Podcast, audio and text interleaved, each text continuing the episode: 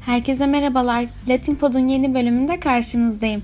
Bugün size son iki haftada Latin Amerika gündeminde neler olmuş onu anlatacağım. Hiç vakit kaybetmeden ilk durağımız Şili ile gündeme başlamak istiyorum.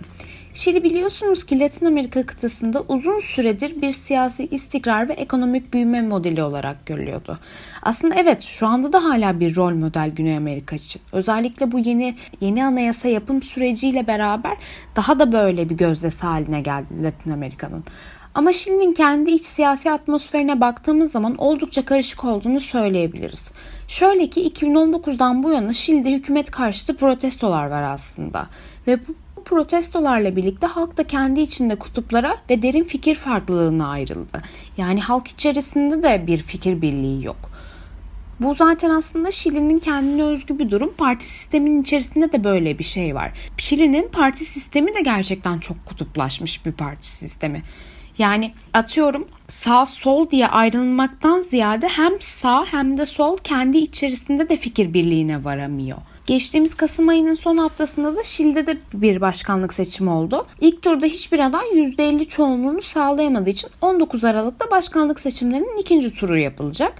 Bu ilk turda yarışı birinci sırada tamamlayan aday aşırı sağ parti adayı Kast oldu.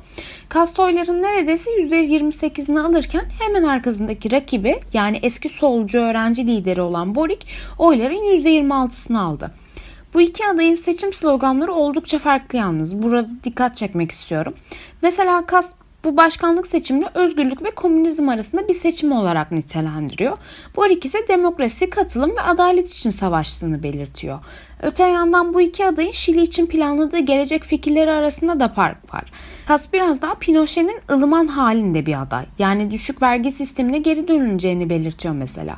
Boric ise bugün Peru'da olduğu gibi eğitim harcamalarını ön planda tutuyor. 19 Aralık'ta bu iki adaydan biri Şili'nin yeni devlet başkanı olacak. Seçim sonuçları açıklandı. Size kimin kazandığını söyleyeceğim tabii ki de. Şimdiden iki adaya da başarılar diliyoruz. Sıradaki Latin Amerika ülkemiz tabii ki de Brezilya. Tabii ki de şaşırmadık buna. Geçtiğimiz bölümlerde söylediğim gibi Bolsonaro şu anda 9 suçtan yargılanıyor. Yani mahkeme Bolsonaro'yu 9 farklı konudan suçlu buluyor. Geçtiğimiz günlerde bu suçlamalara bir yenisi eklendi. Şöyle ki Brezilya Yüksek Mahkemesi Başkan Bolsonaro'nun yanlış bir şekilde Covid-19 aşılarının AIDS kapma şansını arttırabileceğini iddia ettiği yorumları hakkında soruşturma başlattı. Daha önce de YouTube üzerinde yayınladığı videolarında korona hakkında yanlış bilgiler veriyordu zaten. Yani bu çok şaşırtıcı bir durum değil. YouTube'da bunun üzerine kendisinin videolarını kaldırmıştı.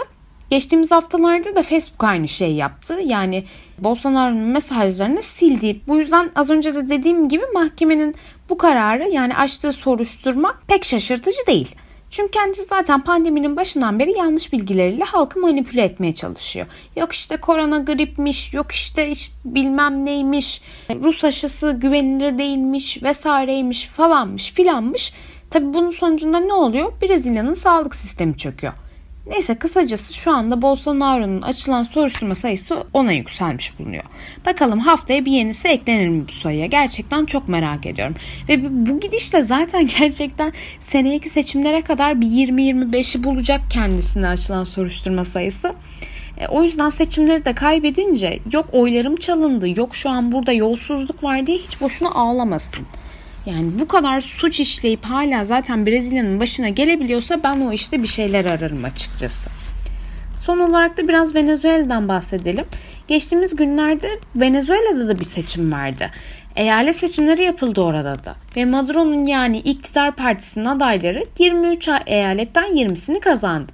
Ama bu seçimin ne kadar geçerli olduğu şüpheli biraz. Çünkü katılım oranı %41 küsür civarındaydı. Yani halkın yarısından daha azı eyalet seçimlerinde oy kullanmamış demek oluyor bu. Ayrıca ana muhalefet partisi sadece 3 tane eyalet alabildi. Yani bu da biraz garip bir durum açıkçası. İkinci garip bir durum daha var. Küba daha seçimlerin sonucu açıklanmadan Maduro'yu tebrik etti. Şöyle açıklayabiliriz bu durumu.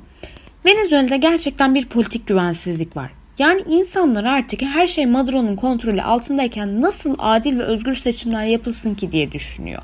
Ve bu yüzden seçim sandığına gitmeyi tercih etmiyor.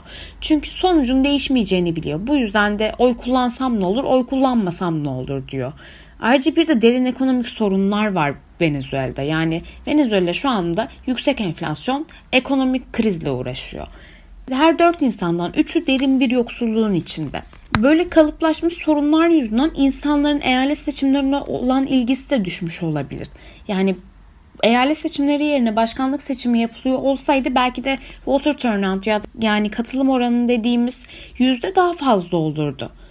Bu arada Amerika da bu seçimler için adil ve özgür değildi diyor. Şimdi ise gözler Avrupa Birliği'nin seçim gözlem heyeti tarafından hazırlanacak raporda açıkçası. Bakalım Maduro'nun bu zaferi kabul edilecek mi? Çünkü kabul edilmeyebilir. Hem adil ve özgür olunmadığı düşünüyor. Hem voter turnout yani katılım oranı düşük oluyor. Bir geçtiğimiz bölümlerde söylediğim gibi Meksika'da da böyle bir düşük katılım oranı sorunu vardı bir referandum için ve dolayısıyla referandum iptal edilmişti, kabul edilmemişti. Çünkü gerçekten çok düşüktü. Belki aynı şey şu anda Venezuela için de olabilir. İlerleyen günlerde rapor açıklandığı zaman size aktaracağım sonucun ne olduğunu. Latin Pod'un bu bölümünde sonuna geldik. Haftaya yeni bölümde görüşmek üzere. Hoşçakalın.